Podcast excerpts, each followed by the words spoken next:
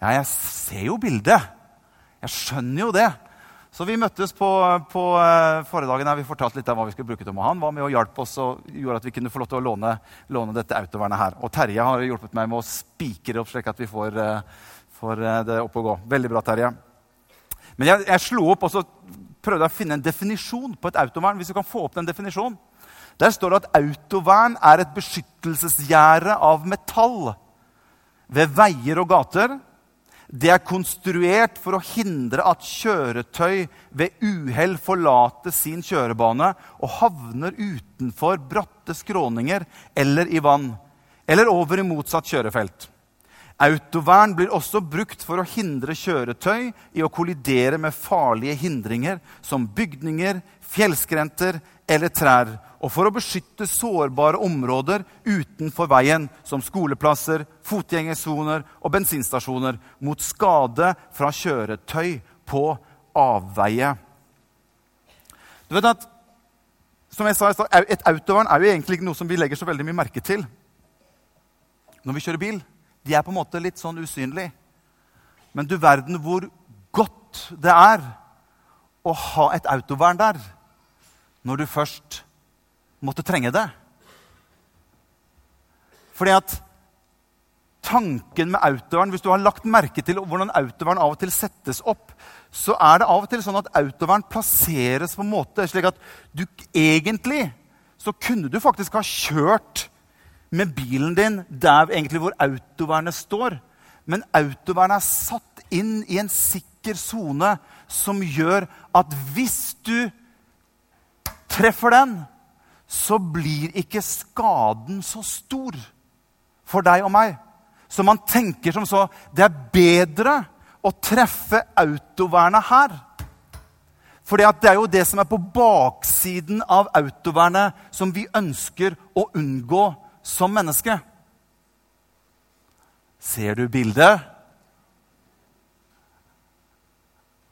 Så tanken med autovern det er jo å ha en margin å gå på som gjør at hvis jeg treffer det, så blir ikke skaden så stor. Og Det er derfor jeg ønsker i formiddag, i hvert fall i første søndagen her, å på en måte ta oss litt med og tenke tanken Hvis vi er så flinke til å sette opp type autovern når vi er ute og kjører bil, eller vi generelt i samfunnet, så spør jeg meg hvor flinke er vi generelt i vårt menneskelige liv? til å sette opp type autovern i områder livet, i livene våre som gjør at det kan være med å hjelpe oss, slik at ikke skadene blir så store når vi kommer ut for det. Kunne vi vært flinkere for? Jeg tror at hvis du hadde tenkt når du sitter her nå, og tenkt tilbake i tid, så er jeg sikker på at veldig mange av oss kunne tenkt Kanskje ting kunne vært unngått hvis jeg hadde hatt et autovern å treffe imot.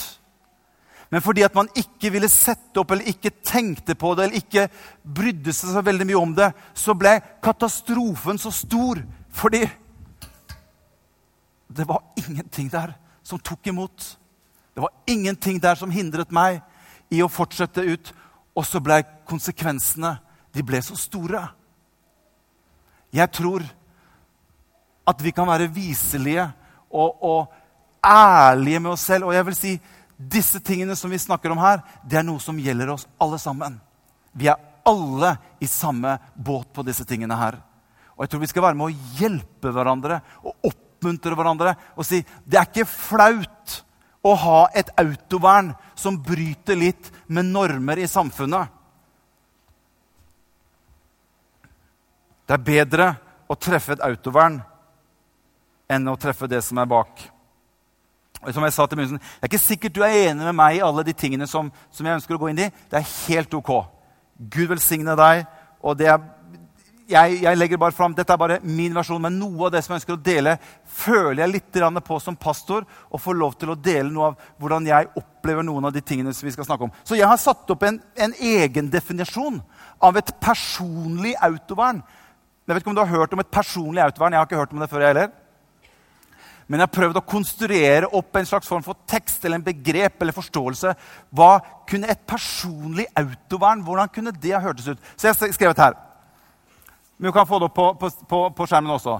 Et personlig autovern kan være praktiske, bevisste standarder eller grenser som treffer samvittigheten om de brytes. For jeg vil heller Skal vi lese det en gang til? praktiske, bevisste standarder eller grenser som treffer samvittigheten min, om de brytes. For hør, jeg kunne mye heller tenke meg at når jeg kom hit, på et område som jeg opplever er vanskelig og utfordrende for meg personlig, så vil jeg prøve å sette opp noen standarder eller grenser for meg selv. Og være litt ærlig for meg sjøl. Fordi at jeg vil heller å kjenne at nå fikk jeg litt dårlig samvittighet fordi at jeg, jeg, begynte å nærme meg den grensen som jeg har satt opp, i stedet for at vi alltid tenker liksom de store konsekvensene her ute. For skjønner, Her ute er det veldig ofte for seint. Her ute er det ofte for seint til å snu eller gjøre noe med det. Og du vil kunne få lov til å ha skade for resten av livet ditt hvis du havner her ute istedenfor at vi kan sette opp noen personlige standarder og personlige grenser for oss sjøl. Henger dere med? Kanskje jeg trenger noen røde lamper som lyser av og til i noen områder av livet mitt. Kanskje jeg trenger å være litt ærligere med meg sjøl på noen områder som jeg er svak. Hør, vi har alle svake områder i livene våre. Det er ikke en som kan gå ut her og si vet du hva, jeg trenger ikke noe autovern. Å nei, nei, nei, nei, nei. Det er jo bare tull. Vi alle er mennesker som jeg opplever trenger autovern. Jeg er sikker på at mange av dere sitter og tenker på å, tenk om jeg kunne hatt et autovern. Et personlig autovern den gangen eller da eller når det skjedde. eller sånt noe. Kanskje det kunne vært unngått. Jeg har jo Henger dere med? Jeg, jeg sa det, eller, det her er ikke noen sånn type sånn der, veldig sånn hallelujabudskap. Så jeg skjønner at det ikke blir veldig mye sånn eh, eh, veldig sånn respons på det. For det, det, det, hadde ikke jeg gitt respons på. Det er heller bare bedre å sitte helt stille og se rett fram og ikke se så mye rundt. egentlig. Det er bare å se rett fram. så, så, går det veldig bra. Eh, men vet du at jeg opplever av og til eh, sånn når, jeg, når jeg, ser i, i, i, blader eller jeg ser i, i nyhetsspill eller i media eller kulturen vår eller samfunnet vårt, føler jeg noen ganger prøver å slenge opp en slags sånn form for sånn autovern for oss Jeg skal bare ta et eksempel. for Noen ganger så føler jeg noen ganger disse autovernene blir litt sånn nei, platte.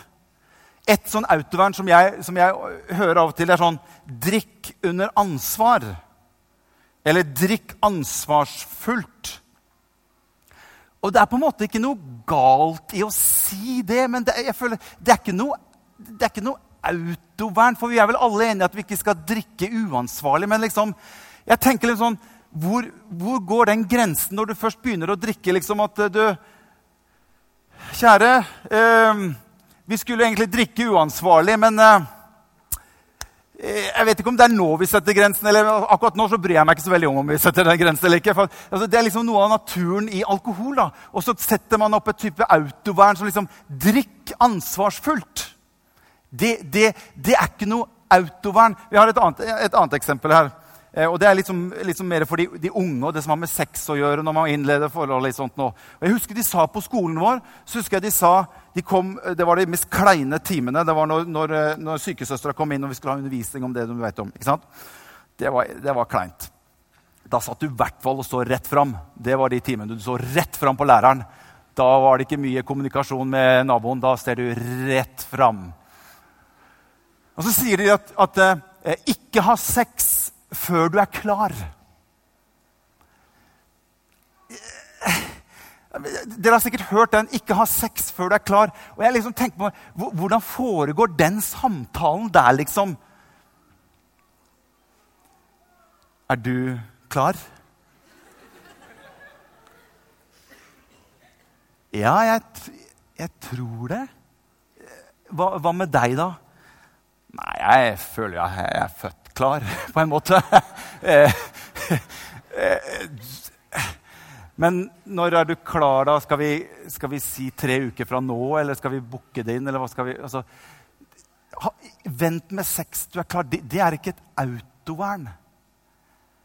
Og jeg tenker sånn at Ofte så vil noe av det vi snakker om, og kanskje i noen kristne kretser, oppleves for mennesker som Nei, vet du hva, det der er jo bare religiøst. Det der er bud og regler. og Det der, det, det, det, det er ikke vits i. Det er sånn som du gjør at du, du, bare skremmer folk. Men hør, de samme menneskene som mener at det her er bare lovisk, det her er jo bud og regler og religion, de samme menneskene kan være enig i at det å havne her, det er ikke så bra.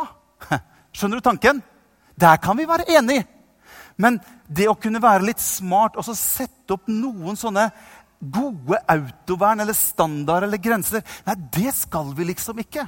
Og hør, Det fins en tendens i oss som mennesker, og der er vi alle inkludert, at vi har alltid en tendens til å prøve oss å kjøre så nærme her som mulig. Jeg vet ikke hvordan det er med deg når du er kjører. Men nå tenker jeg ikke akkurat på å kjøre bil mot autovern. for det prøver vi ikke å gå inn i. Men jeg tenker på sånn livet generelt. Og også i kristen sammenheng så blir det sånn du, Hvor mye kan jeg gjøre, bla, bla, bla, og fortsatt da, na, na, na, na.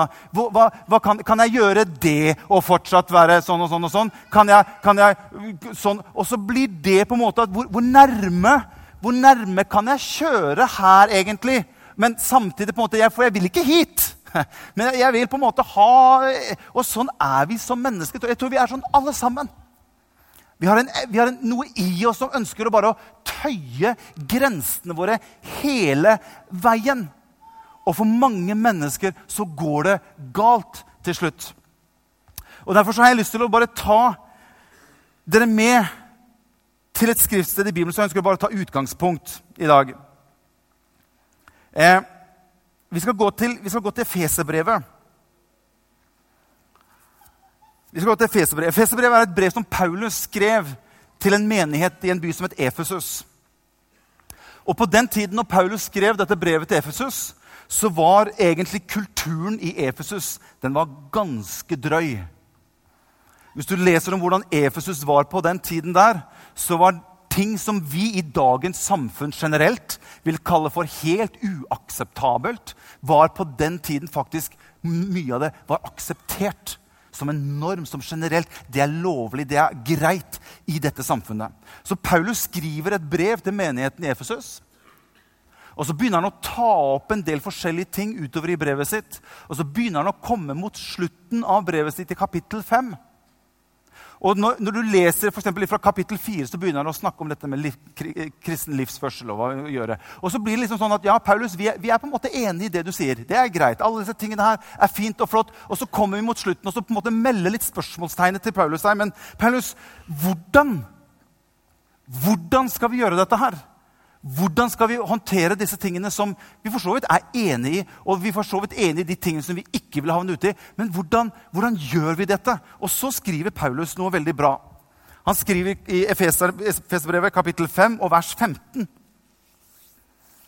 Så sier han Pass derfor nøye på hvordan dere lever, sier Paulus. Eller hvordan dere vandrer, eller hvordan dere har det i livet ikke som ukloke. Vet du hva en uklok er? Det er en som holder seg for øynene når han går. Det er ordet uklok. Det er det ordet betyr. Ikke som ukloke mennesker, men som kloke. Så dere bruker, eller ordet forvalter, den dyrebare tiden godt. Så sier han, for dagene er onde. Vær ikke uforstandige men forstå hva som er Herrens vilje. Det ordet 'forstå' der, det husker jeg Hvis jeg skulle løse en, en, en, en eller annen greie på tavla på skolen Det verste jeg visste, var at du, Morten, kan du komme fram, og så løser du det mattestykket der. Og du står der, og så Bare for å, for å vise deg hva det ordet 'forstå' betyr, så står du der og så prøver du å løse den matte Det var ikke alltid jeg fikk til det. Og så ser jeg, ser jeg bort på læreren, og så vet du hva, jeg, jeg jeg får ikke Jeg greier ikke. Så sier læreren til, så læreren, så læreren til meg, 'Morten, forstå!' Forstå! Ja, men du kan, du kan ikke befale meg å forstå. Det er noe av det som ligger i det som Paulus sier her. Forstå hva som er Guds vilje. Så sier han videre så sier han, så tar han et eksempel og så skriver han, Drikk dere ikke fulle på vin. Det fører til utskeielser, men bli heller fylt av ånden. Det er ganske fascinerende hvordan Paulus skriver dette. her. Og når jeg leser dette, her, så plutselig så ser jeg, Han skriver 'Vær varsomme på hvordan dere lever livet deres', sier han. Og så sier han litt lenger 'Forstå hva som er Guds vilje'. Og jeg har liksom tenkt ja, men Guds vilje for livet mitt det er jo på utsiden av mandag til fredag. Det er jo liksom tjenesten min. Det er jo, jo kallet mitt, og det er jo det jeg skal virkelig gjøre for Gud. Det er jo liksom de store overskriftene om hva Gud har kalt meg til. Det er jo Guds vilje for livet mitt. Men Paulus sier jo det. Vær varsom hvordan dere lever livet. Så sier han, forstå hva som er Guds vilje, for dagene er onde. Det er sånn Paulus sier at dere må våkne opp. Dere må begynne å forstå å leve som viselige mennesker. For dere lever i en tid. Og hvis ikke dere er forstandige og kloke mennesker, så vil ting kunne gå galt. Dere, våkne opp! Ikke ta så lett på ting, for dere lever i en tid som er utfordrende. Og Det er noe av dette som jeg tenker som ligger i Paulus sitt hjerte. Og så tar Paulus et eksempel. Og jeg tror, bare for å si det med en gang, jeg tror at Paulus tar dette eksempelet med, med, med, med alkohol. Han sier, 'Drikk dere ikke fulle på vin'. Jeg tror Paulus kunne tatt mange forskjellige eksempler. Men jeg tror han tar et eksempel for å illustrere også noe i forhold til hva som skjer når noe kommer på avveie.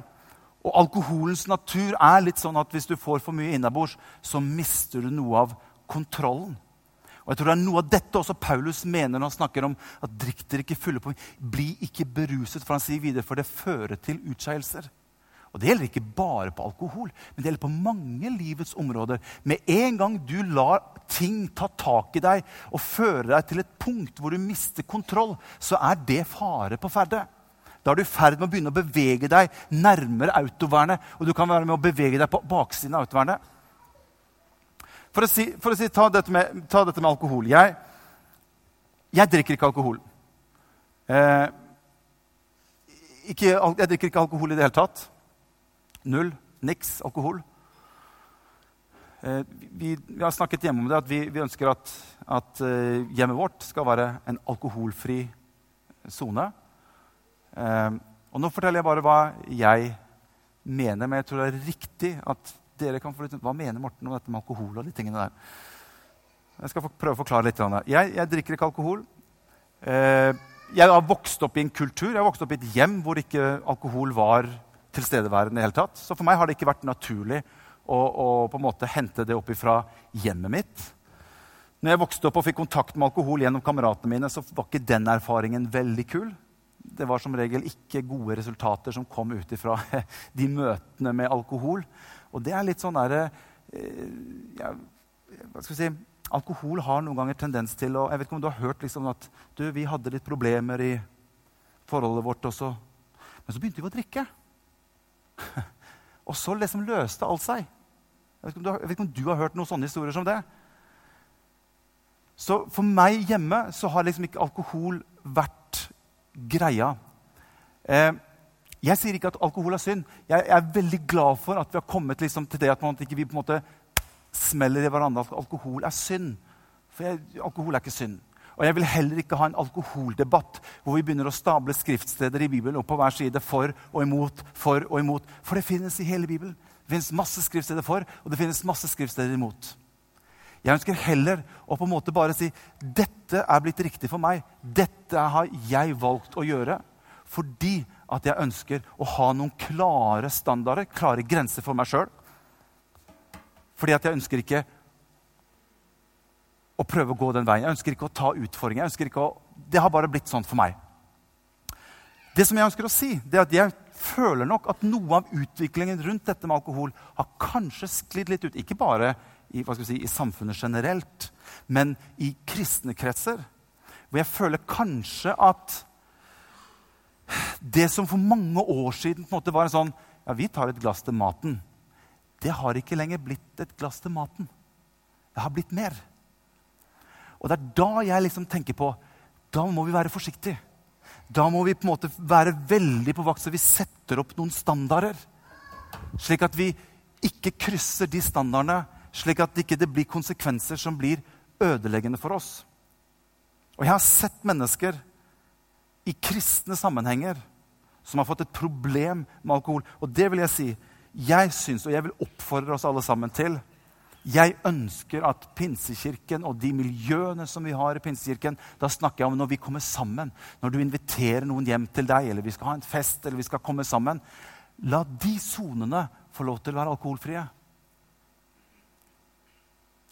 Jeg syns det er helt ok om du tar et glass og, og, nyter det alene på kvelden. Det får bli en sak mellom deg og din ektemann eller dem du er sammen med. eller et eller annet. Men når vi inviterer mennesker hjem til oss, så har jeg en bønn i mitt hjerte at jeg skal slippe å bli utsatt for For hør, dette med alkohol for er for mange en stor, sterk fristelse. Og jeg har ikke lyst til å utsette mennesker som blir invitert hjem til mitt hjem. For du vet ikke om mennesker har problemer med dette. De du minst aner har et problem med alkohol, kan ha et problem med alkohol. Og hvis fellesskapene våre skal være slik at man blir utsatt for en fristelse når vi kommer hjem til brødre og søstre, så vil jeg anbefale deg vent heller til etterpå. Jeg har vært i selskaper, i kristne selskaper, hvor jeg vet at mennesker sitter og blir så fristet til å ta det glasset. For de har et problem med det. Og jeg vet at de som er invitert, ikke vet det jeg vet. For det er som fattern har sagt til meg i alle år de havner på mitt kontor. De havner på mitt kontor etter hvert. Det er min, det er min sånn generelle hva skal vi si, oppfordring til oss. Jeg sier ikke at du skal gjøre dette her. Slapp helt av. Det er bare min sånn ønske på standard. Og jeg må si en ting. Når Lise Karlsen i Evangeliesenteret er fortvila over at vi ser at mennesker blir fri fra rusmisbruk, fri fra alkoholisme, og hun sa at vi har et problem med å sende mennesker til menigheter fordi at de kommer inn i miljøer, og så faller de utpå igjen. Fordi at de blir på nytt fristet til noe som du og jeg har kontroll på. Og hør Du kan ha kontroll på ett område i livet ditt. Jeg kan ha kontroll på et annet område i livet mitt som du har større problemer med. Ting, saken er bare at jeg vet ikke alltid hvor jeg kan være sterk, eller hvor jeg kan være svak. Og jeg har sagt til meg sjøl jeg vil ikke engang prøve alkoholen. For jeg vet ikke. Kanskje jeg er i den kategorien som kanskje er litt svak for det. Jeg tar ikke sjansen. Jeg vil ikke at barna mine skal se at vi drikker hjemme. Jeg vil ikke overføre en kultur til de. Jeg vet ikke hva som skjer etter at de tar tak i den kulturen. Og så, så ser jeg plutselig lenger ned i, i, i generasjonene at plutselig noen begynner å få et problem med kanskje noe som jeg startet på hjemmebane. Jeg tar ikke ansvaret for det. Hør, og det er noe av dette som Paulus sier. Livet er for dyrebart.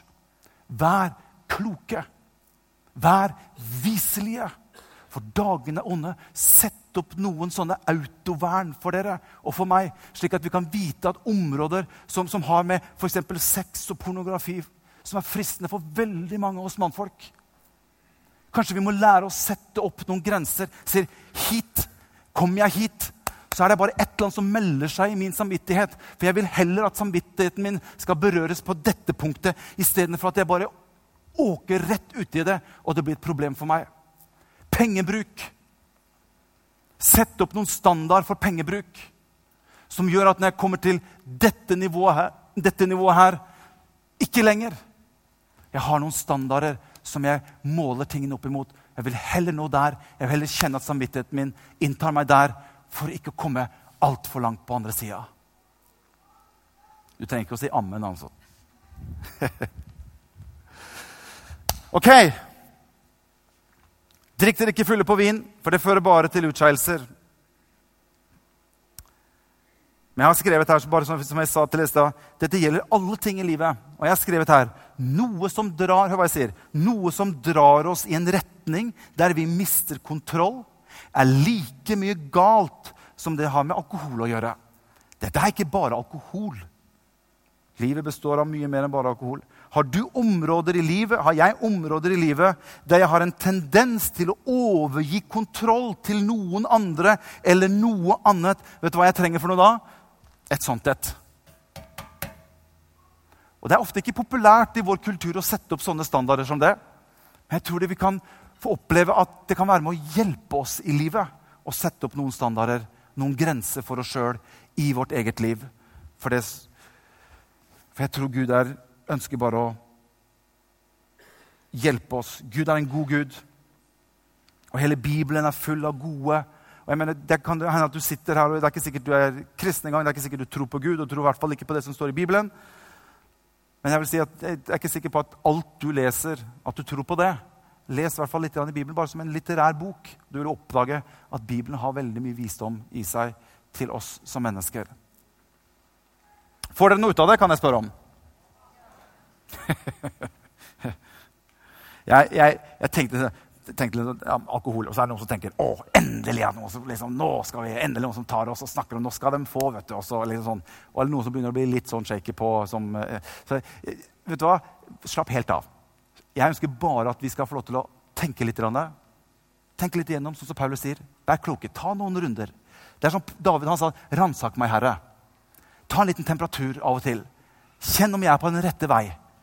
Eller er jeg på en måte i en retning som gjør at jeg begynner å, nærme meg noen grenser som jeg må kanskje rette litt, litt opp i. Det har med livene våre å gjøre. Og Gud elsker oss så høyt at han ønsker at vi skal ha det godt.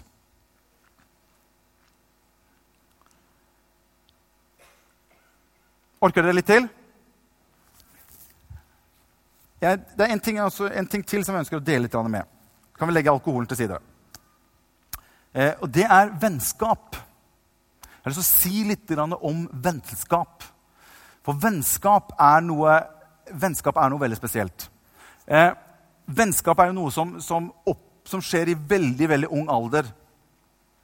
Og det som jeg syns er så spesielt med vennskap, det er at du vil alltid oppleve å komme i kontakt med mennesker som på, måte, på, mange måter kan ha en litt annen retning i livet sitt enn den retningen du har i ditt liv. Og så møtes man, og så opprettes det type vennskap. Og det er noen ganger i disse relasjonene her at det er litt utfordringer for deg og meg som mennesker.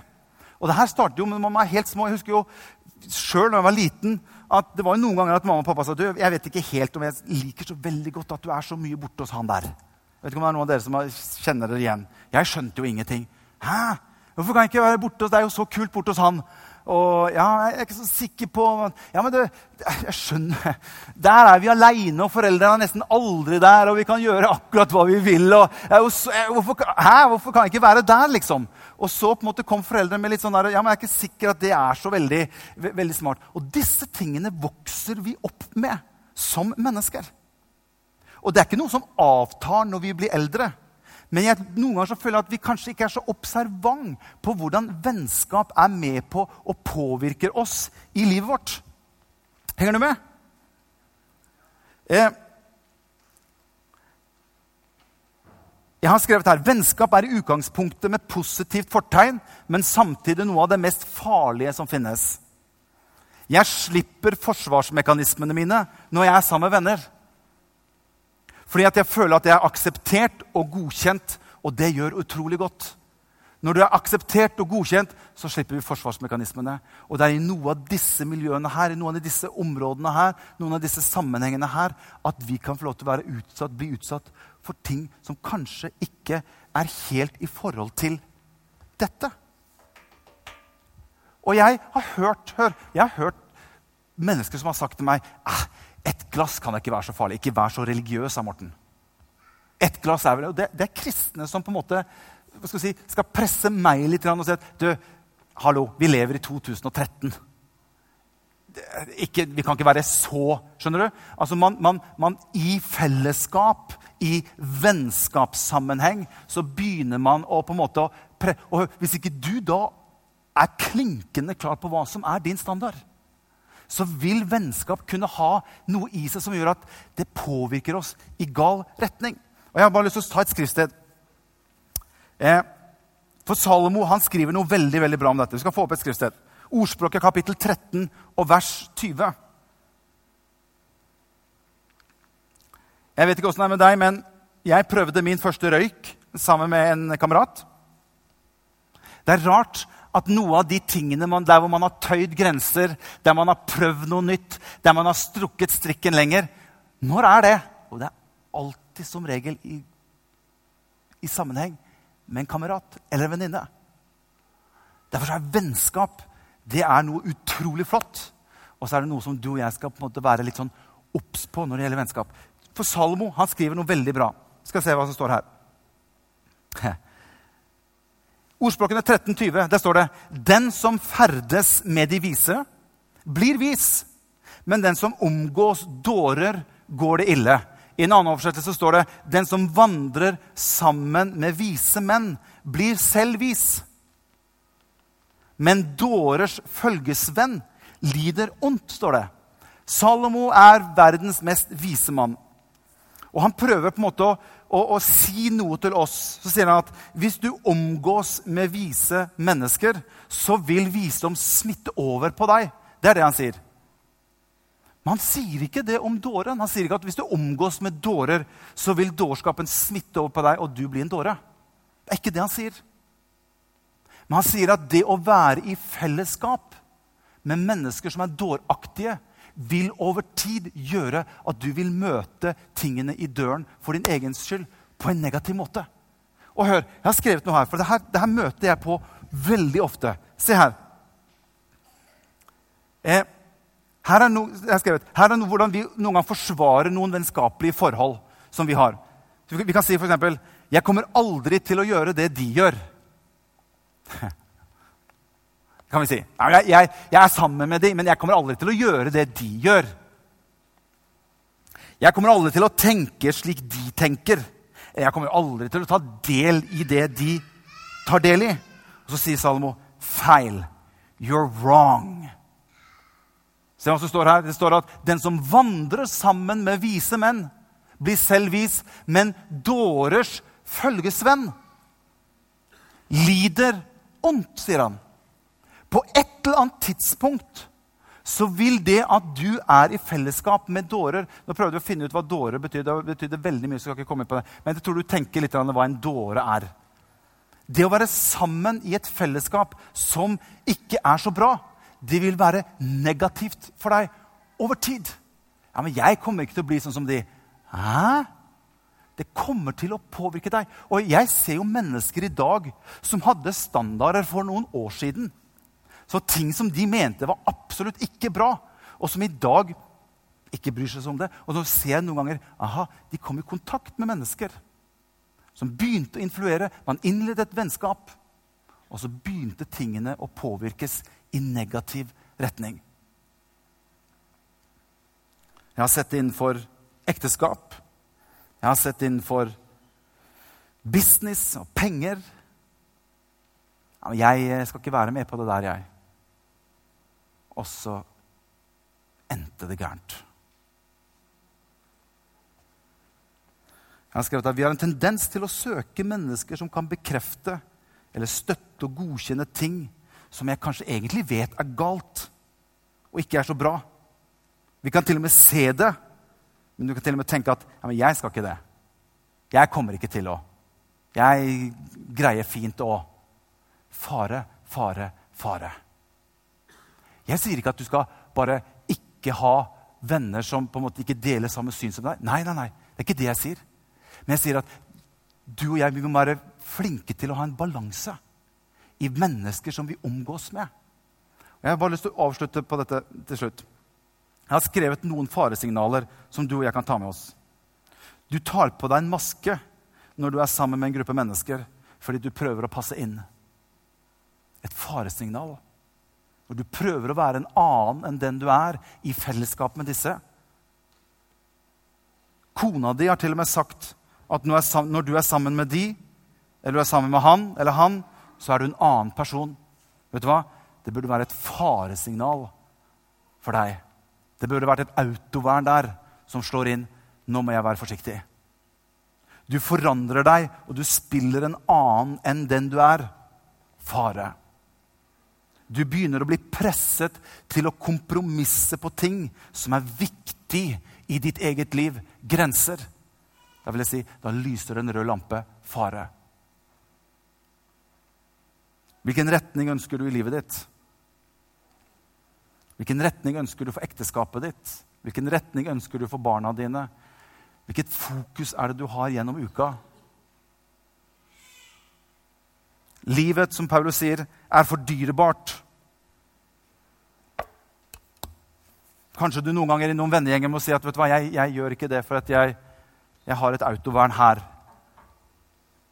Kanskje det er flaut for deg å si det, men jeg, det er mye bedre det enn å få oppleve det som ligger bak autovernet.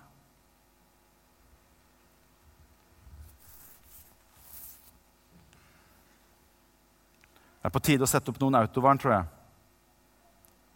For mange av oss. For et liv er dyrebart. Når jeg ser familier, når jeg ser ekteskap som brytes opp, og mennesker som på en måte ah, Jeg blir så fortvila. Jeg liksom, Tenk om man kunne fått unngått noe av dette. Tenk om man kunne være litt ærlig med seg sjøl og unngått noe av disse tingene. Hadde ikke det vært bra? Og hør, Dette er noe som gjelder oss alle. Ett skrivsett til slutt, og så er jeg ferdig. Gud elsker deg, og Gud ønsker det beste for deg og ditt liv, ditt ekteskap, din økonomi, dine barn. Vær gode forvaltere i forhold til hvem du omgås med i livet. Legg litt ting på vektskålen og kjenn litt etter når du har vært sammen med noen. Ble vi oppløftet når vi dro fra det selskapet i kveld, eller hva var det for noe? Kjente vi at vi ble mer glad i Jesus når vi dro derfra? Eller hva, hva, hva, er greia? Jeg sier ikke at du bare skal gå sammen med de som bare snakker om Jesus. Men jeg sier at vi er nødt til å ha balanse. Vi er nødt til å ha og vite om disse tingene, slik at ikke noe gjør at vi havner feil vei med livene våre. Siste verset står det Kan vi få opp siste verset? Elskede. Fantastisk. Gud er god. Elskede. Dette er Guds ønske. Jeg ber om at du må ha framgang i alle ting. Og være ved god helse, slik som også din sjel har det godt. Vet du, Det er ingenting som er verre enn å kjenne det at min sjel har det ikke godt. Jeg kompromisser her og jeg kompromisser der, og jeg har det vondt på innsiden. Kanskje noen autovern kunne være med og hjelpe oss i livet vårt, slik at jeg kan få lov til å oppleve at min sjel har det godt. Og jeg kan få lov til å stå innenfor Gud og kjenne at han velsigner meg og livet mitt. Og jeg har en retning på livet mitt. Jeg ønsker at hele meg og mitt hus vi vil tjene Herren, og vi vil gjøre det som Gud har kalt oss til i livet vårt. Skal vi reise oss opp, alle sammen? Neste søndag så kommer jeg til å ta litt til, og så kommer jeg til å gå inn på mer den der åndelige delen av de ting som Gud har gitt oss i livet vårt, av talenter og gaver, og hvordan du og jeg kan få lov til å være med og forvalte de tingene i livet vårt.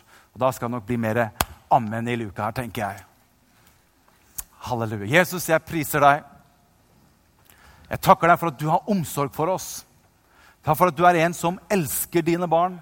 Takk for at du er en som bare ønsker oss det beste i livet. Jeg ber om at du skal få lov til å gi oss visdom, gi oss innsikt til å få lov til å leve livene våre slik at ikke det skjer katastrofale ting hele tiden rundt oss. Hjelp oss til å kunne sette opp noen grenser. Hjelp oss til å sette opp noen standarder som gjør at vi kan få lov til å leve et godt liv, et velsignet liv, og unngå å havne på andre siden av autovernet. Jeg ber for hver eneste en som er her i dag. Jeg ber for hver eneste familie, jeg ber for hver eneste som er her. Jeg ber om at du holder din hånd over oss, at du er med oss i livet vårt du støtter oss, holder oss oppe. Og takk for at du ønsker bare én ting. Det er at vi skal ha det godt, slik som vår sjel kan ha det godt. Og alt folket sa amen. Tusen takk for meg.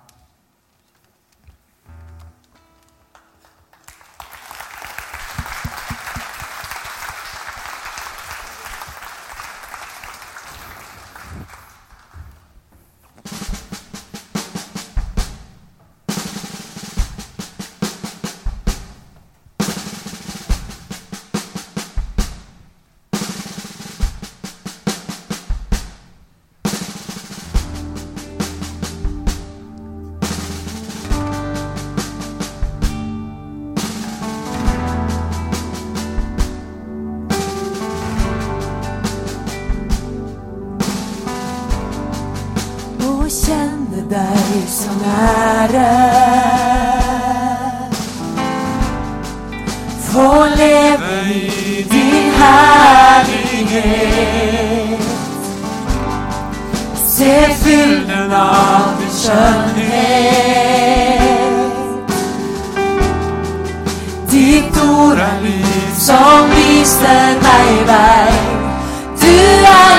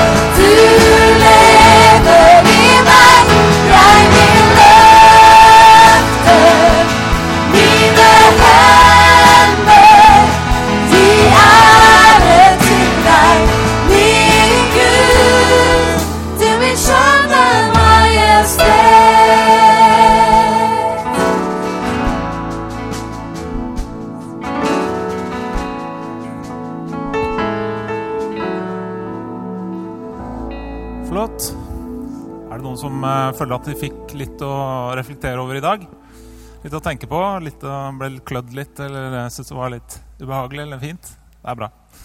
Ehm, jeg lovte at jeg skulle minne dere på dette med kirkekaffe. Det er kirkekaffe oppe i andre etasje, altså over uh, foajeen der. Eh, og som nevnt så er det da, har vi lyst til å spandere kaffe og kake på de som er nye. Og da fungerer det sånn at det er noen sånne gratis kaffebonger. Kaffe- og kakebonger. eh, Som du kan få ved den eh, lille skranken som er satt opp. Hvis du går nå ut, så er det på høyre side rett før døra. Og da, Hvis du har lyst til å treffe noen eh, her og snakke med noen, så har vi reservert et bord da, til de som har sånne bonger. Så da kan dere komme opp der, så får dere treffe noen, noen av oss og snakke med noen. Flott. Ha en god søndag, og vel hjem.